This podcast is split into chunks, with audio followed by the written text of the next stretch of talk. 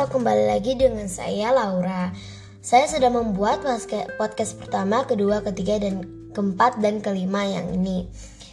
Podcast pertama yaitu tentang si singa dan si tikus. Podcast kedua tentang Jakarta Podcast ketiga tentang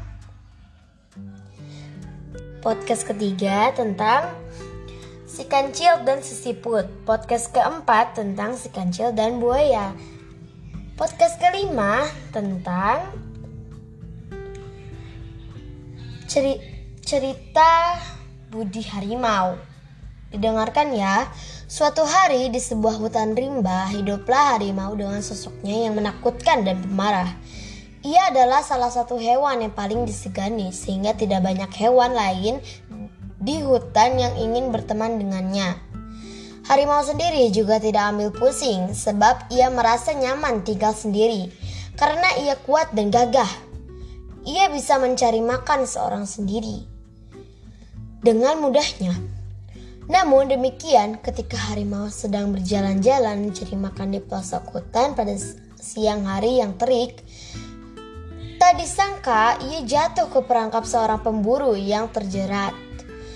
Ia pun mengaum keras agar seseorang menolongnya. Takut-takut bila pemburu berhasil menangkapnya. Meskipun sepenjuru hutan tentunya mendengar auman harimau tidak ada yang berani mendatanginya kecuali tikus jantan dan dan pemberani. Tikus mengapiri harimau dan tersedia dan bersedia menolong harimau. Pertama-tama, Harimau meremehkan tikus yang menurutnya kecil.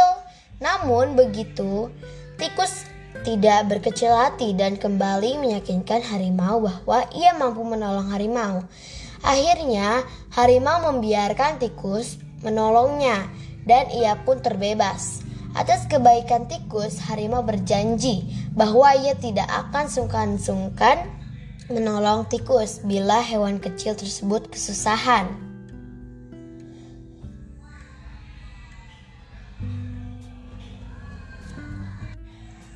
Selang beberapa waktu, harimau yang sedang minum di sungai mendengar jeritan pilu. Ia mengenali suara tersebut sebagai suara tikus yang pernah menolongnya. Setelah itu mencari sumber suaranya, ternyata tikus berada di dalam rumah penduduk dekat hutan. Ia tidak sengaja terjepit perangkap tikus yang dipasang oleh pemilik rumah. Beruntungnya rumah tersebut sedang kosong dan harimau dapat langsung melepaskan tikus dan dari ter, dari perangkap tikus yang tidak menyang yang tikus yang tidak menyangka bahwa harimau yang menakutkan mampu menepati janjinya pun amat berterima kasih kini harimau dan tikus lantas saling bersahabat meskipun mereka merupakan dua hewan yang jauh berbeda. Itu dia podcast terakhir saya atau podcast kelima saya.